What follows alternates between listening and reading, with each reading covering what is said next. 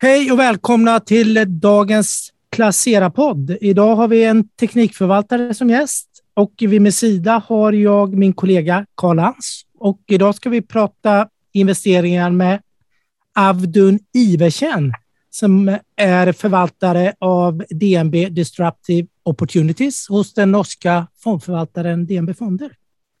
Fonden har snart två år på nacken och eh, dagens samtal blir kring fondens inriktning, vilka innehav fonden har och eh, var vi ser bästa möjligheterna och riskerna i framtiden.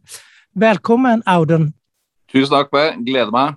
Äntligen får vi till det här. Jeg jag tänkte bara höra, du har förvaltat fonden i knappt två år. Jag sa att den startade i november för två år sedan. Vad är det för typ av fond? Och vad är det för bolag du letar efter? Du, Det er et fond som, som uh, Kall det den formelle siden av det, så er det et globalt aksjefond som følger MCI World-indeksen. Og Våre største posisjoner der vi, der vi, jobber mest og der vi har flest innehav, det er i USA, Europa, Japan og Korea. Og så tror jeg at jeg skal legge litt til en, uh, hvordan dette fondet ble startet, og, og, hvorfor akkurat jeg jobber med det. For det, det starter mer med en sånn type refleksjon. Uh, og jeg har jeg, er 55 eh, år og har jobbet mye med finans, både som forvalter og analytiker, men også sittet i mange ulike selskapers styre og, og også vært CEO osv. Og For to år siden så eh, hadde jeg lyst til å, å, gå tilbake igjen og jobbe med fondsforvaltning. Så jeg var med i sin tid var jeg med å starte DNB Teknologi, som dere i Sverige kjenner godt til, sammen med Anders og Sverre. Mm -hmm. eh, også, også, men, men, det starter med en refleksjon. for det, eh, det vi ofte tenker, det at eh, eller en veldig kjent investeringsstrategi, er jo å finne et godt selskap og sitte i det. Det, det, det hører man veldig ofte. Og så er det noe med den, den, den uh, som jeg har opplevd fra siden av, det er jo at uh, tiden går mye fortere nå. Det er mye raskere endring. Det er den type endringer som, som, jeg kaller disrupsjon, og som jeg kommer litt tilbake til. Men det vil faktisk si sånn at uh, hvis du i 1958 på SMP 500, som er den bredeste amerikanske indeksen, hvis du var der, så var det forventet at du kom til å være på den indeksen i 61 år. med den takten vi har nå, i 2027 så er forventet eh, eh, at, at, det selskapet da er på SMP, er nede i 12-13 år. Så det sier at det, det, er en, det, er, det, er en, helt annen form for dynamikk enn det vi har opplevd. Og Det er litt utgangspunktet. Så, så eh, jeg starter med, og, jeg har da jobbet veldig mye med teknologi, jobbet veldig mye med sol og fornybar energi. Uh, og, og, alt dette starter egentlig med at jeg tar utgangspunkt i hvordan er det et selskap og en industri tjener penger. Altså business model, forretningsmodellen. Og da veldig ofte så, så tenker vi at ja, men den, den forandrer seg jo ikke. Uh, og, men det er nettopp det han gjør. og Det er, sånn viktig, det er veldig viktig som premiss for å bli med videre inn, inn i fondet mitt og, og historien og måten jeg tenker på, er at vi aksepterer at, de, at forretningsmenn kan forandre seg. Da jeg, jobbet som, som, analytiker i DNB Markets eh, på slutten av forrige, år to, forrige, forrige, årtusen, så var jeg med og, og var såkalt lead analyst og tatt Telenor på børs. På samme perioden som gikk på børs. Det gikk veldig bra, så gikk det seks måneder, og så kom, ringte Telenor tilbake og sa nå skal vi også ta noe som heter gule sider. Altså den svenske motsatsen til Eniro på børs. Mm. Så jeg jobbet ganske mye med den industrien, og det var ganske fascinerende. Fordi eh, De av dere som husker sånne telefonkataloger som kom på døren, på toppen lå det en gul telefonkatalog. Det var lokale monopoler. Fordi at var, Du orket ikke altså, ha to sånne store telefonkataloger. og Inni den telefonkatalogen så, man, eh, så hadde pizzamann, rørleggeren osv. lagt inn annonser som gjør at du kom til å ringe de først. Så dette var det, så nota, naturlige monopoler med verdens beste management. De hadde veldig gode eh, investorer. Eh, også, og dette, dette, er da 20, par og 20 år siden. Og den børsnoteringen var en kjempesuksess. Eniro var jo også en veldig god aksje å være investert i i Sverige i en lang periode. Min datter på 16 år hun vet ikke hva en telefonkatalog Hun har ikke sett den. Så, så Verdens beste forretningsmodell for 20 år siden den ble utradert, den ble distruptert av mobilt internett i løpet av ti år så, så var hele forretningsmodellen borte. Så, så, og Dette er litt sånn inngangs, inngangsfarten inn i fondet. At, eh, så, så, hvis du godtar at disse forretningsmodellene de forandrer seg, da blir det et veldig spennende spørsmål. Og Det er her jeg bruker innmari mye av tiden min på. Hvorfor forandrer de seg? Er det noen krefter der som vi kan finne noe fellesnevner med? Og det, det er det, det, som, det, som, jeg da har gjort, er at jeg har identifisert tre krefter. Og Disse kreftene de, de er jo selvfølgelig litt sånn sammensatte, og så, uh, og, oppnår, så, så, jobber de ikke helt uavhengig av hverandre. Den viktigste som, som, vi har blitt kjent med de siste 25 årene, det er teknologi.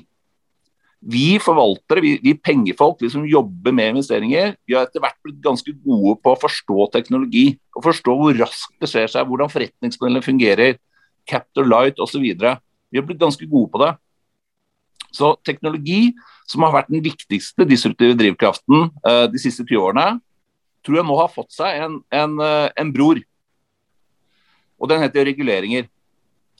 Hvis du tenker på reguleringer, så, så, er det et veldig kraftig våpen til å forandre og skape forretningsmodeller. Neste gang du åpner, åpner opp en avis, eller ser på et program som har noe med endring å gjøre, så var jeg veldig obs på alt som har med, med, med, kraften til reguleringer. For reguleringer de kan forby en, for, en forretningsmodell over natten. Sånn som Ta bilindustrien. Eh, så Da har man uh, i tyske ingeniører har lagd et fantastisk ingeniørkunst av en bil. Men, den, den, den, den, er bensindrevet. Man har holdt på og filt og bytta ut deler, optimalisert hele bilen og brukt 120 år på det. I løpet av et stemningsskifte, i løpet av tolv måneder, så går en rekke land i Europa, med Norge i spissen i 2025 og, og frem til 2035, så skal man forby bensinbilen. Det viser kraften på reguleringer. Og Med bakteppet fra pandemi, med alt vi har i forhold til kalde klimarisiko og naturrisiko, så kommer regulering til å bli mye viktigere når vi skal velge aksjer. Dette har vi sett konturene av, og så kommer det til å bli enda viktigere. Så teknologi og reguleringer de er med å skape veldig mange nye forretningsmodeller. Det vi ikke er gode på, vi i finans, det er å forstå reguleringer. Og Det kan vi komme litt tilbake til underveis når vi diskuterer det. Og så er det tredje, som også har noe med det har noe med de teknologiske plattformene å gjøre, men det har med hvor fort vi, for, vi, forbruker, vi, for, vi som er forbrukere, forandrer eh, vår etterspørselmønster. Jeg pleier å bruke et eksempel fra, fra, mitt, eh, fra mitt, liv. på, i, i, i, Norge så er vi jo glad i å, å grille. Så, så, jeg har alltid liksom hatt grillfest hjemme hos meg om, om på slutten av sommeren. Og det har gått alltid veldig bra.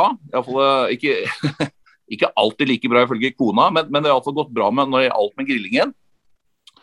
Og, og, uh, men for noen år siden så begynte folk å komme med uh, seafood, med reker, med laks. Og det er greit, vi er liberale, så, så, det er helt fint. Og så for et par år siden begynte det å komme med plantebaserte burgere. Altså hamburg som var lagd på erter. Og det er ikke bare i Tåsen i Oslo, der hvor jeg bor, vi har gjort det. Men det har vi også gjort i alle andre store vestlige, vestlige, i vestlige verden. Så det har medført at for første gang siden 50-tallet så har etterspørselen til rødt kjøtt den har peaket. Iallfall foreløpig, og jeg tror den aldri vil komme opp igjen. Fordi dette representerer et skift i hvordan vi forbrukere eh, eh etterspør f.eks. rødt kjøtt. Og Det er mange gode grunner til å etterspørre mindre rødt kjøtt. Men så er det jo forferdelig godt, da. ikke sant? Men, men, men ikke sant? Så, så, så, så, øh, så det er altså et eksempel på en disrupsjon. For det har skapt masse forretningsmuligheter for de selskapene som, som har da en annen inngang til dette med kall det sunn mat enn en, en, nødvendigvis rødt kjøtt. Så Det er disse tre liksom, kall det reguleringene som, som, som river og sliter eh, i, i, eh, i, forretningsmodellene, som skaper da det jeg kaller da disruptive muligheter. Og dette med disruptivt, det, det er sånn vanskelige ord, så jeg skal bare ta et par ord om det. For, det, for meg så er det en strukturell endring. Så, så, den er ikke syklisk. Og så For at det skal være god, for det skal være en god distruksjon, så har det også noe med effektivitet å gjøre.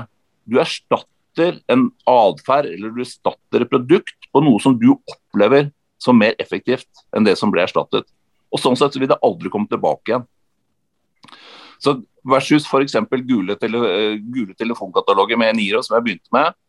Jeg klarer ikke å forestille meg at den noen gang kommer tilbake igjen. Sånn som Den verdens beste forretningsmodell for 22 år siden, den er borte.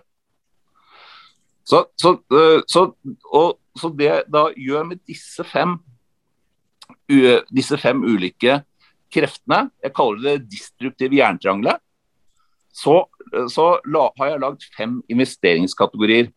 Eller fem trender. Eh, så, som jeg tror i, alle sammen inneholder kraften fra disse tre, eh, disse tre variablene. Og som er med å skape eh, verden på en helt annen måte. Og Veldig kort så er det, det er digitalisering. Og så er det urban mobilitet.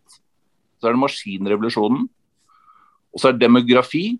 Og så er det The Green Deal, den grønne avtalen. Dette Innenfor hver av disse områdene så finnes det enkeltselskaper og subindustrier som, som, som, som, er med å, å flytte da denne verden fremover på en sånn kraftfull måte, som har en helt annen endringstakt enn veld, veldig mye annen industri. Og Det er inni her sånn hvor jeg da prøver å, å plassere da, mine investeringer. Det ble litt sånn lang introduksjon, Per. Ja, men det, det, det, det er jättebra. Den skapar jo masse med frågor. Allt ifrån kinesiske myndigheter som reglerer om det kan ändra. Jeg, jeg, jeg, jeg fångas av en annen sak. Du pratar om disruptivt, en strukturell tillväxt som effektiviserar. Eh, kan det vara en, en anledning till den här låga inflationen vi inte har just nu, men som vi har haft de senaste 20-30 åren? Er det den effektiviseringen som vi har sett? Som ja, ja. Eh, det, det, er et kjempespørsmål. Det, det, der er et veldig godt spørsmål. Uh, og, og, jeg har lett etter det. Og, og det, som, som, det, som, jeg er heldig med som er forvalter, så, så, trenger du ikke å være smartest. For at du har mange kollegaer som er enda smartere enn deg, som du kan gå og spørre. Og Jeg har diskutert det med makroøkonomer, altså om, om, om de ser noe egentlig statistikk på det. Og Jeg har ikke fått noe godt svar på det, men, men for meg så er det jo Eh, innenfor det området som jeg kaller maskinrevolusjonen. Så hvis du tenker på det sånn, vi, vi ofte I Norge så kaller vi jo hunden for beste venn. Jeg sier, Nei, det er helt feil. Mhm. Det er maskinen som er vår beste venn. Og grunnen til det, det, det er at for ca. 250 år siden så fant man opp dampmaskinen. Og fra den dagen så har disse maskinene de har erstattet våre hender og føtter og gitt oss mer produktivitet, mer velferd. Vi kan, vi kan diskutere opp og ned politiske systemer osv., men, men den mest kraftfulle enkeltoppfinnelsen som menneskene har gjort, er maskinen. Og, så, så, nå er maskinene nå, de blir smartere, de går dypere, de går høyere. Sånn der, så maskinene fortsetter å utvikle seg. Så de kommer til bare til å fortsette å øke vår produktivitet her på jorden. Og så er det noen sider i disse tingene som, som vi kan diskutere etterpå, men som, som har da noe med, med, med det, det, grønne skiftet å gjøre. Men disse maskinene de, de, er nå kommet dit hvor de også ikke bare skal erstatte hender og føtter, men nå skal de erstatte våre kognitive prosesser. Altså måten vi prøver å imitere hvordan vi tenker på. Kunstig intelligens, maskinlæring. Så, så øh, og, og, og det, Jeg tror det er mange grunner til å tro at vi skal gjøre et sånt lite hopp innenfor disse områdene i løpet av 20, dette, dette tiåret vi er inne i. Så, så øh, inflasjon er jeg, jeg, personlig er ikke så redd for det. For jeg tror menneskets beste venn, altså maskinene, mm. kommer til å hjelpe oss litt med det. Uh, for, for, for, jeg syns jeg ser konturene av veldig mye måten vi tenker produksjon på nå, kommer til å forandre seg. Og Det har dels med teknologi å gjøre, og så har det dels med alle de tingene som, som det grønne skiftet kommer til å kreve av oss på hva vi produserer, og hvordan vi produserer det. Ja, det er kjempeinteressant. Jeg, jeg, tenkte om vi tar litt avstamp fra dina, tanker og och dina trender du ser og eh, dine dina hörnstenar så att säga. Om, om, vi bare tittar lite på de tio største innehaven i fonden. Eh, kan du berätta lite hva, vad de fångar for trender og varför du har dem i, i, i din fond? Hva, vad det ja. är som, ja, som er, du fatter investeringsbeslutet på, så å si. Sant? Ja, og, og, og når, når, vi går fra, fra alle disse type uh, litt store ordene som, som, vi har brukt nå, uh, og så går vi ned på enkeltselskaper, så opplever jeg noen ganger, at noen noen ganger blir litt sånn skuffet. Ja, men nå trodde vi skulle finne noen sånn kjempespennende selskaper som vi aldri har hørt om. Jeg har noen av de òg, men de er ikke de, de, ti største. De er veldig viktige, og, fordi de er balansen i porteføljen din. Så, det, så, jeg har innført, siden jeg, jeg er litt disruptiv og, gjør ting litt annerledes enn en mange andre, så har jeg også innført min egen sånn lille sjargong på, på, disse investeringsgruppene, på, på, på hvordan skal klassifisere disse investeringene.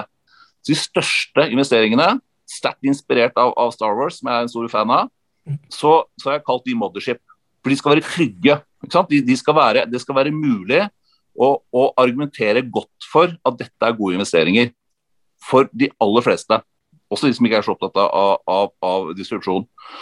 Så, og Noe av det som, som jeg ser konturene av nå, Uh, og, og, som er veldig aktuelt i forhold til alt som har med energi å gjøre. Men også veldig mye å gjøre med 5G, og det har mye med det grønne skiftet å gjøre. Og det er alt som har med infra infrastruktur å gjøre.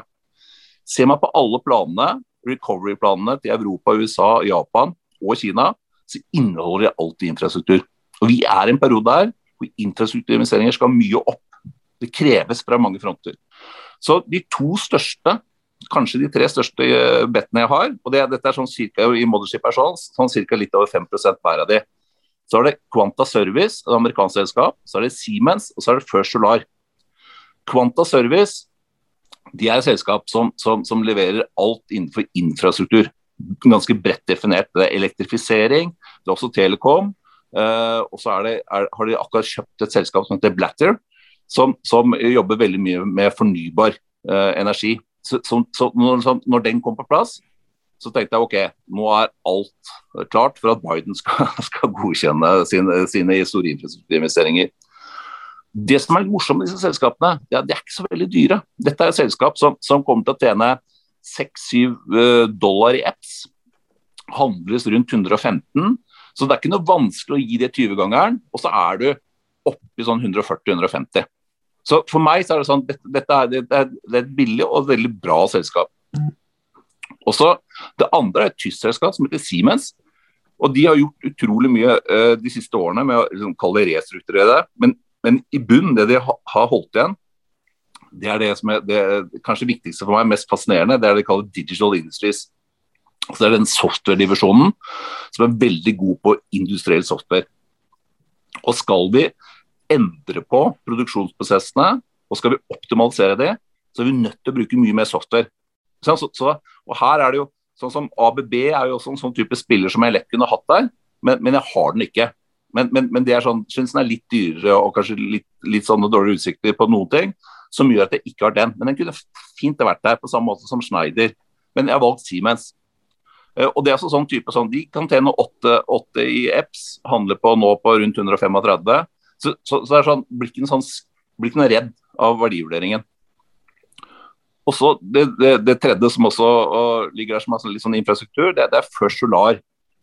Og First Solar de produserer, eh, har sin egen teknologi hvor de produserer ikke på polysilicon, men, men, men, men hvor de produserer på, på, på, på sin proprietære plattform store solpaneler. De brukes til å lage, fylle opp 10-20-30-40 sole fotballbaner ved siden av hverandre med sånne paneler. De dobler produksjonen sin nå. Uh, og, og um, jeg lever midt i en energikrise. Uh, jeg tror dessverre at både Sverige og Tyskland fort kan oppleve en, en blackout som er litt sånn litt à la den vi hadde i Texas i januar. Pga. at vi ikke har stabile energisystemer nå. For nå, Vi gjør så mange ting samtidig. Vi legger ned kull, vi legger ned atom. Og så skal vi erstatte det med, med sol og vind uten at vi har lagringskapasitet i nettet. Og Det er litt sånn der på, det er et tappert forsøk, men, men vi kommer til å bli straffa, er jeg dessverre redd for. Eh, som gjør at, at, vi kommer til å øke takten. Myndighetene er, det er ikke sånn Vi skal ikke pumpe mer fossilt. Så vi er nødt til både offshore sol, alle mulige bauger kanter, komme an til tror jeg det er sånn, til å ordentlig satse enda mye tøffere på. Og da er det sånn sånn som det og først lar amerikansk selskap produserer i Malaysia, de bygger fabrikk nå i India og, og bygger en stor fabrikk i Ohio, og har vært med lenge. Og, og, og, er en av kostnadslederne. Men den, den betaler du sånn type 25 ganger for. Uh, men, men, men, som jeg tror det, det har sånn enorm strukturell vekst, og så har den strategisk verdi på amerikanerne. Og det kan være veldig viktig når vi ser på hvordan disse handelskrigene hvordan disse reguleringene spiller seg ut. Så uh, Det er ikke sånn at jeg kan kalle den like safe som de andre, men, men, men, men sånn, jeg synes det er en veldig god investering. Hittar du flest bolag i USA? Det har du uppenbarligen som knappt halva fonden amerikanske bolag og det er en stor marknad. Men er det lettere å hitta bolag der, eller känner ja. du dig tryggare att det är amerikansk lagstiftning og det, det, liksom, de är noterade på bra marknadsplatser och så vidare? Ja, altså, det, er, det, er det, er, lett å, Om man skal si bli glad i USA, så er det veldig lett å bli veldig fascinert av mange av de, de sidene ved, ved, de amerikanske markedene. Eh, og, og, De er veldig kraftfulle, de er veldig flinke. Uh, uh, og, og, de har et tak på resten av verden fortsatt, selv om det blir utfordret, som gjør at de får en premium prising. Og, og For meg det er greit, det er sånn det alltid har vært. Jeg, jeg klarer ikke å se at det skal forandre seg ganske så veldig mye. Samtidig som at jeg har jo ligget med ganske store overvekter i Europa. Og det skyldes at det er så mye kvalitet i europeiske selskaper, så har man, har man ganske dårlig pris. Og så har vi, har vi, først og fremst Sverige, eh, men også i økende grad syns jeg både Norge og Finland og Danmark, altså det nordiske clusteret, utrolig mange spennende eh, selskaper. altså I forhold til hvor store selskaper vi, vi klarer å få frem, hvor mange spennende nye selskaper, så er det utrolig fascinerende å, å, kunne jobbe sånn som jeg har flere kolleger som er veldig gode i Nordenforvaltning. Jeg bruker masse tid sammen med de, og ser mange nye selskaper som kommer opp innenfor digitalisering, innenfor, innenfor grønne skiftet, innenfor bioteknologi. Så, så, så vi ender opp med å, å, også bruke ganske mye tid på Norden, og, og det tror jeg er utrolig fordel for, for fondseierne. Fordi eh, vi er, en, vi, vi er, som region så er vi veldig gode på disse eh, nye distruktive selskapene. Og, det, og, og, Sverige har desidert den lengste trekkrekorden med det. Men så tror jeg disse landene rundt, eh, rundt eh, dels, dels, blitt inspirert av, av, av, av, hvor flinke dere har vært til å få frem sånne typer selskaper, så har vi begynt å, å, å lage sånne små maskiner innenfor noen lommer, vi også. Investerer, investerar du, hur små bolag kan du investera i, i fonden? Vad, är du, gör du små börsintroduktioner och sånt? Är du ja, med altså, der? Min, min, min, eh, nå, nevnte, nå, nevnte, jeg denne store gruppen da, med, med, navn som jeg kalte Mothership. Så har jeg også en annen gruppe som, som, eh, som de som jobber med institusjonelt, eh, institusjonelt, salg hos oss, ikke vil at jeg skal bruke så mye, men jeg syns det er så godt ord, så jeg, jeg deler det gjerne med, med dere. Men ikke si det til noen. Det, jeg kaller de crazy ones. Uh, for dette er selskaper som på en eller annen måte er så, uh, som, som, som, jeg tror kan doble seg i løpet av tolv måneder, eller gå femgangeren i løpet av fem år. De selskapene er ofte små. Det er små selskaper i små markeder som etter hvert blir store selskaper i større markeder. Og, og, det er noe av den der, det, den, det vi ser innenfor disse fem investeringskategoriene som jeg nevnte. Så ser vi det er flere sånne små områder hvor, hvor de kan bli store. Og der, Derfor så er det sånn der, For meg da så er det jo ofte at, at uh, disse selskapene som jeg da kommer inn i, og som jeg da investerer og da, og da investerer jeg jeg sier at jeg kan ha 15 selskaper av en halv prosent. Så totalt 7,5% av porteføljen kan være crazy ones. Og I fjor var et veldig spesielt år. Uh, da hadde jeg over 20 selskaper som doblet seg. I år har jeg et par-tre stykker. Eh, men, men, men, men vil, eh, så, så, de små selskapene eh, For meg så er det sånn ja, Har du market cap liksom, under 50 millioner dollar, så, så blir det for smått. Mm. Uh, og da, da jeg, så, så, da må jeg tenke veldig på likviditeten. Men, men uh, jeg ser at jeg har ganske mange selskaper på sånn som er sånn 200-300 millioner euro.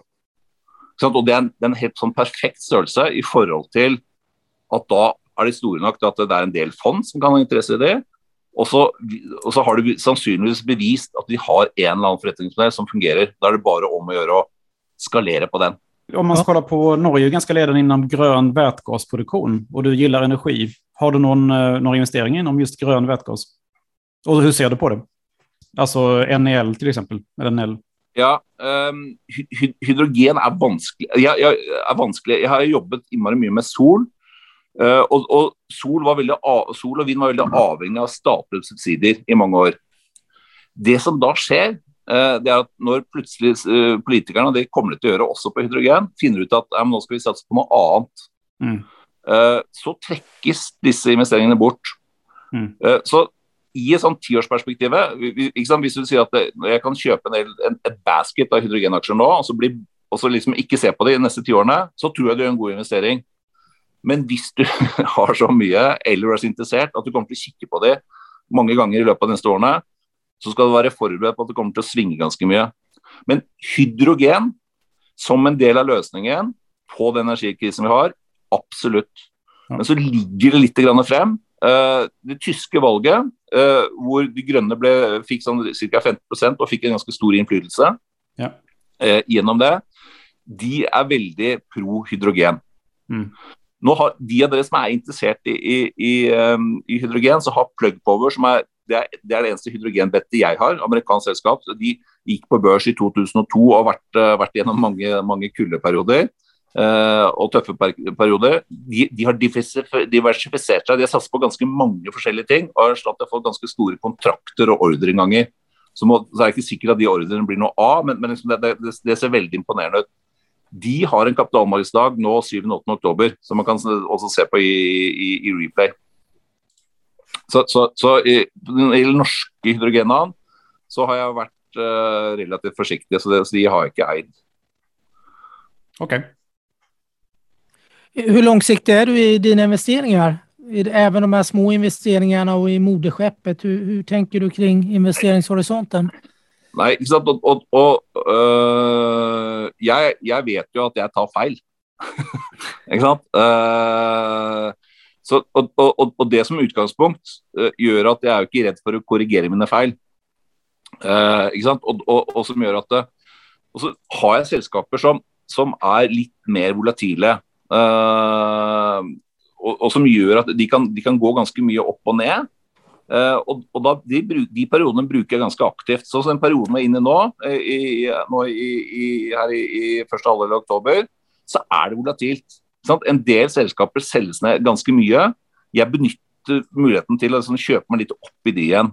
Og da typisk finansierer jeg fra, fra, fra Mothership. Så etter en sånn periode, så kommer jeg ut av en sånn periode, så har jeg mer tilt inn mot de små og mellomstore selskapene. Uh, som, som da kanskje har fått litt ekstra juling. Uh, så, så eh, uh, jeg, jeg, har ikke noe Så, så, så når, når, bolagene gjør veldig mye eller endrer strategi, så er jeg ganske nådeløs. og Da, da, da kan jeg gå helt ut av de.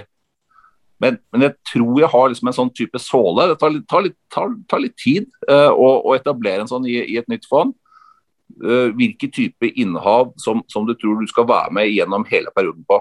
Og jeg tenker veldig mye sånn inn mot 2030. Uh, eh, men, men, men, jeg sitter og justerer bettene mine daglig, for å si det sånn. Uh, fordi jeg, jeg, det er så mye volatilitet nå, både i markedet, men også i, i mange av disse selskapene. Så, så, så, så jeg, jeg, er veldig sånn aktiv, aktiv forvalter på, på, den måten.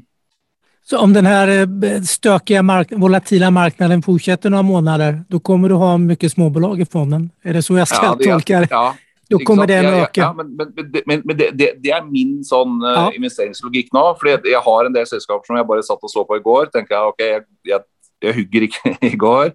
Uh, men, uh, jeg kommer til å ta en del av disse mindre selskapene hvis de er på disse nivåene. og jeg ikke ser det er ikke noe annet gærent. Sånn som jeg leser markedet nå, så er det sånn Det vi holder på med nå, det har ikke noe med at markedet nødvendigvis er for dyrt å gjøre. Det kan være noen enkeltselskaper og noen sektorer som er dyrere enn andre. Det er mye mer at vi nedjusterer vekstanslagene våre for 2022. Eh, så, så, så, så, vi har blitt mye mer usikre på hva, hva, hva skjer i 2022. Og, og, det har noe med, med, med halvleder eller semis å gjøre. Det har, det har noe med denne delta-varianten å gjøre. Når får vi egentlig åpnet opp igjen? Det har med hele transportsektoren å gjøre. Altså, vi I Norge vi har jo holdt på mye med shipping. Mm. Nå er jo mange som har tidenes den tiårsfesten man pleier å få en gang i tiåret. Den, den, den pågår nå i Norge. Fordi de har fått sånne helt sinnssyke rater. Så, hvor du kan betale tilbake skiten i løpet av 9-12 måneder. Sånn. Vi er tilbake igjen der. Og Jeg har vært med såpass lenge i markedet jeg vet at det er sånn prat innimellom. Akkurat samme, samme måte som er det er med bankene innimellom. At ja, nå er pris bok 03, så nå må alle kjøpe bankene. Og Så gjør man det, og så, går det mange år før, før man liksom har disse temaene igjen. da. Hur, hur tror du marknaden kan vara så här innan den anpassat sig til kanskje litt lägre tillväxt neste år? Jeg, jeg, jeg, tror Når vi begynner å rapportere nå, så, så, blir det litt spennende å høre hva man sier om uh, jeg, jeg, tror alle er enige om at liksom, det var ganske greit frem til, frem til kanskje august.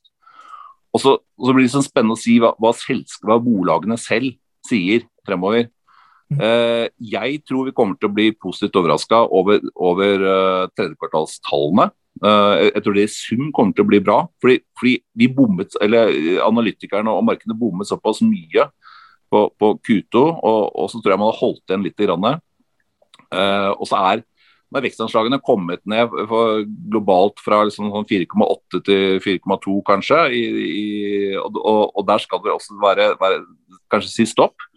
Uh, og da er sånn typisk da går Epson ned i type sånn røff over sånn 10 og, og, nå har vi sånn snart 10 korreksjon. Så, så, så, så markedet, så, for meg er sånn ja, dette er en sånn korrigering.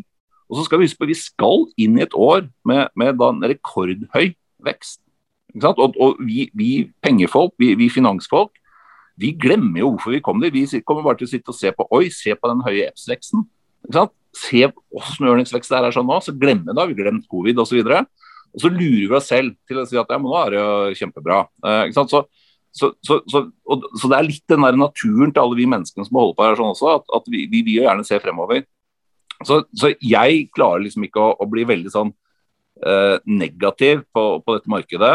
Eh, og jeg er sånn, og hadde det vært sånn at jeg hadde vært negativ, så hadde jeg ikke eh, nå tatt denne, denne, økt denne tilten min inn mot mid og, og small, for da, da, da, blir det veldig viktig med likviditet.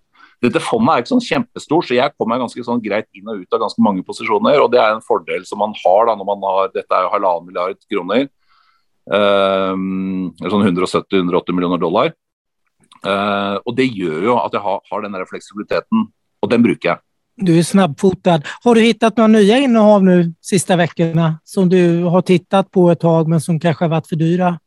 Som du kan uh, delgi oss? om det? Ja, ja altså jeg har øh, øh, jeg, jeg, jobber veldig mye med den Jeg tror vår største sånn distrupsjon nå, det, det, skjer innenfor transport, og særlig innenfor bil. Og, og, jeg har jobbet mye med bil. Og, og, og, dette med at man skal elektrifisere the, the last mile, altså sånn der den fra for at det, det, er ting, det, er flere ting som går parallelt her. Fra digitaliseringen så er det sånn at e-handelen har, har, nå tatt rotta på, eller har knust den vanlige tradisjonelle handelen.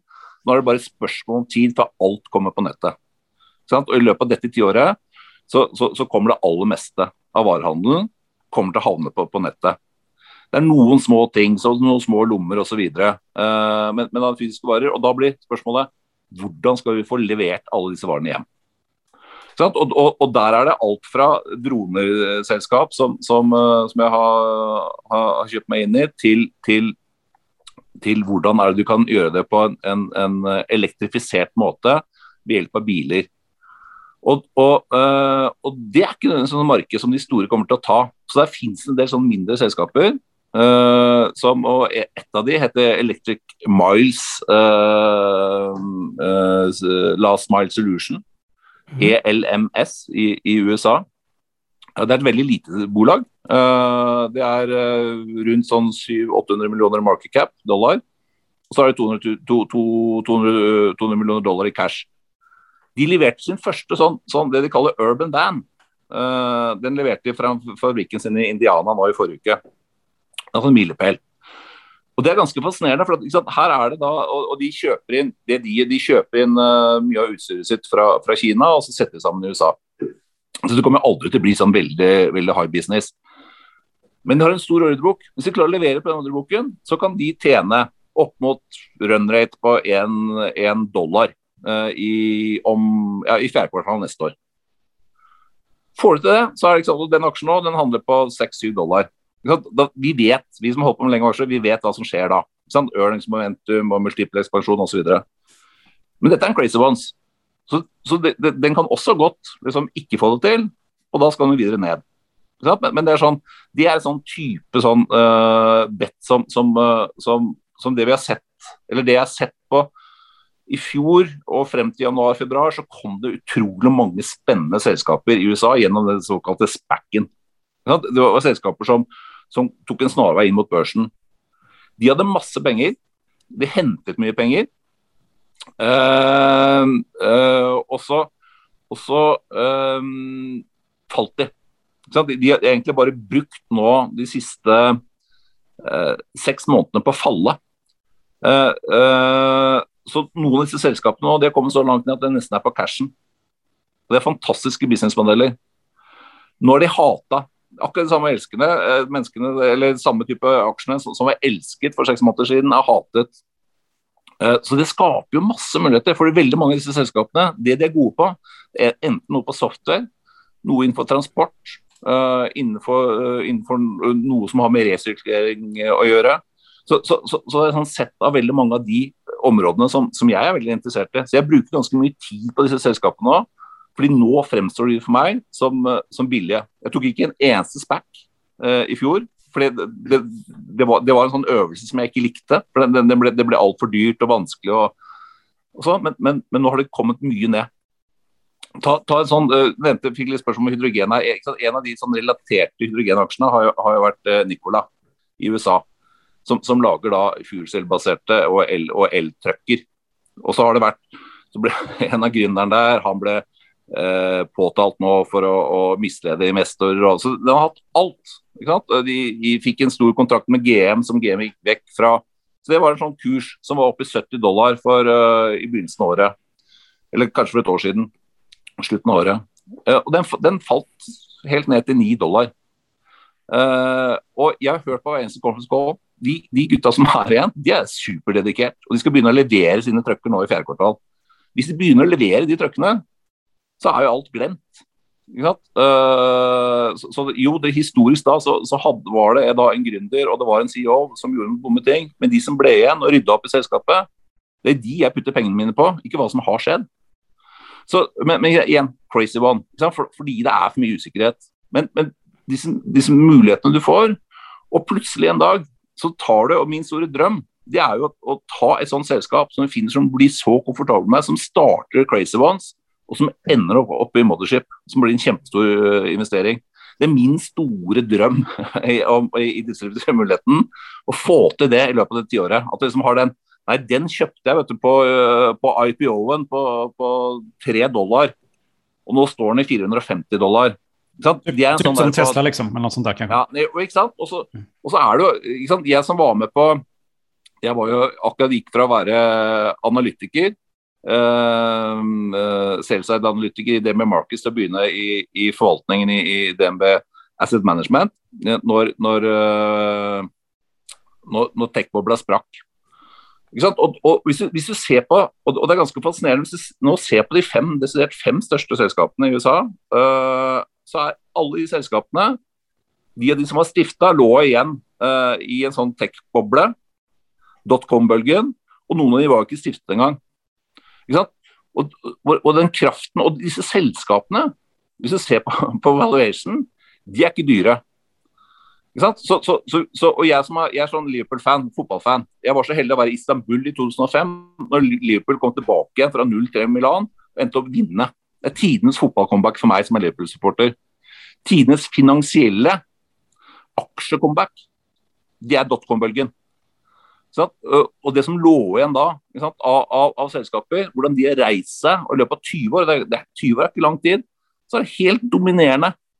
Og Hvis du bruker da denne, dette jerntriangelet mitt, som består av teknologi, reguleringer og endringer i forbrukeratferd Vi skal analysere f.eks. Facebook eller Google bare pga. teknologi, så kommer du til å kjøpe dem fordi de er billige, de har en, en høy vekst. Det er veldig vanskelig å se hvilke andre type konkurrenter som skal stoppe det. Men hvis du gjør den samme analysen, så fokuserer du på reguleringer, da blir du ikke så sikker. Fordi er de for store? Uh, er de flinke nok til å ivareta uh, personvernhensyn på datasiden? Uh, og, og, noe av bakteppet på det som skjedde i Kina, med, med, disse fantastiske IT-selskapene som, som, Kina også har fostret frem. Det, det, det, er gjort en del sånne betraktninger rundt hva som skjedde der, og hva som eventuelt kan skje.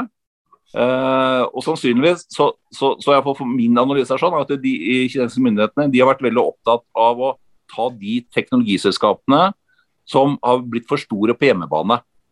Fellesnevneren for Alibaba, Meidu, uh, Tencent osv. Det, det er at uh, de har blitt veldig gode uh, og, og, fått ganske stor makt over uh, den lokale kinesiske befolkningen. Men selskaper som jobber med å eksportere, altså innenfor AI, innenfor 5G, innenfor bil, de har fått lov til å være helt i fred, sånn som Baidu. Uh, og, og, og, uh, sånn som jeg har uh, Jeg har ingen kinesiske selskaper i min portefølje nå. Um, skulle jeg hatt en, så hadde det vært Baidu. For de er veldig gode på, på, på kunstig intelligens og på selvkjøring. Nå, nå, er det i Dette med selvkjøring tror jeg sånn, et av de ordene som vi skal venne oss til i 2022, som noen allerede nå vil riste på hodet av når jeg sier altså ordet selvkjøring, for det var veldig hot i sånn 2018-2019 med robottaxier osv. Nå tror jeg det skjer. General Motors de har en kapitalmarkedsdag nå. og General Motors har liksom, de, de, de kjøpte selskapet som het Cruise for noen år siden. Eh, Cruise fikk lisens eh, av amerikanske myndigheter på fredag til å, å, å kjøre robottaxi i USA. Test. Eh, men Cruise har også en kontrakt i, i Saudi-Arabia eh, i, i, 2023 om å begynne å levere.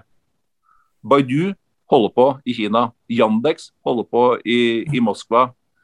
Waymer fikk også en lisens. De har holdt på i, i, uh, i, uh, i Arizona siden 2020. Så alle disse selskapene, store selskapene, de jobber med selvkjøring. Bare tenk at det er ganske ja. så, så, så, så, det ordet kommer til Robottaxi, selvkjøring, kommer til å bli relansert som et ord vi investorer kommer til å prate mye om i 2022. Jeg, jeg slås av et bolag som eh, kanske har de beste forutsetningene med selvkjøring. Det er jo Deer. Ja. Eh, ja. ja men jeg vet at de ligger kjempelangt fram. Ja. Du er på en åker, det er et, det är ett avgränsat ja. område. Det, I min verden må det være det mest perfekte stedet å begynne med selvkjørende eh, fordon. Är det, är det mycket av tankarna varför Dere er et av de store innehaven i, i fonden? Ja. Jo, ikke sant? Og, og, og, og Deer er sånn på alt med, alt med landbruk. Også når vi kommer, Future food. Vi var inne på dette med plantebaserte burgere og sånn. Eh, tenk hva vi kommer til å oppleve det neste tiåret i forhold til utviklingen for hvilken type mat vi spiser. Og særlig hvordan den maten blir produsert. Så? Alt fra laboratoriebasert kjøtt det bygges nå altså fabrikker i Singapore, fordi Singapore er opptatt av matsikkerhet. Så de bygger nå laboratorier for å produsere laboratoriekjøtt. Så, så, så, øh, øh, og midt oppi dette sånn, så har du det tradisjonelle landbruket. Og de går inn mot det, som, det man da kaller presisjonslandbruk. Og Det er et ord som, som John Deere fant opp selv. jeg tror det var de som begynte å bruke det. Og, og, og, de har blitt veldig avanserte. Du, har den store Consumer Electronics-messa i, i, Las Vegas i, i, januar hvert eneste år. Der kommer Alle skal vise frem sånne nye duppedingser. De kommer dit.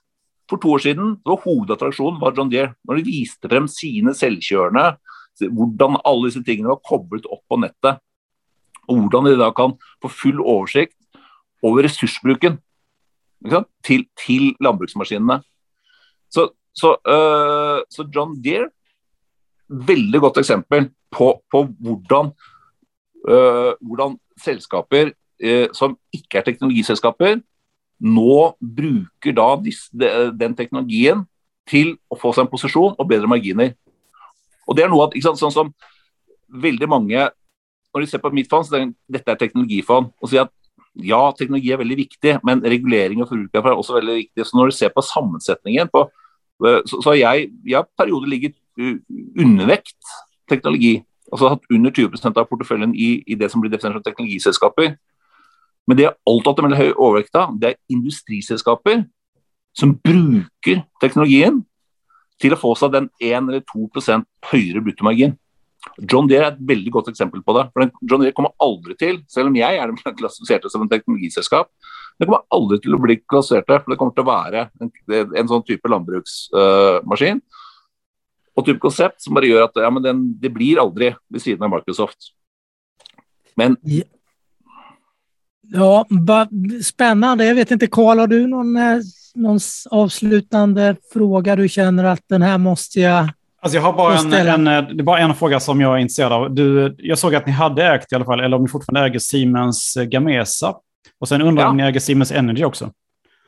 Vi, ja, Siemens Gamesa er en sånn på, på altså, vi, vi, vi, kan runde av med noen ord om det. for at det, uh, i, i, det korte bildet så har vi pratet litt om disse korte distribusjonene, men, men den ordentlig store distribusjonen, som, som jeg tror vi, vi, vi, kommer til å gjøre gode investeringer på hvis, hvis vi har med oss, uh, iallfall over tid, og det at det, det grønne skiftet, uh, the green deal, det det dreier seg om, det er å ta det vi tidligere hadde som gratis, frie ressurser, og så begynne å sette en pris på det.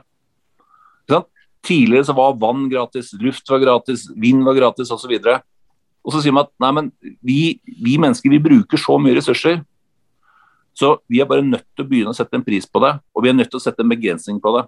Mm. Så, så, alle sånne store distribusjoner som vi lever i, alt sammen dreier seg egentlig om å bruke mindre og bruke det mer effektivt.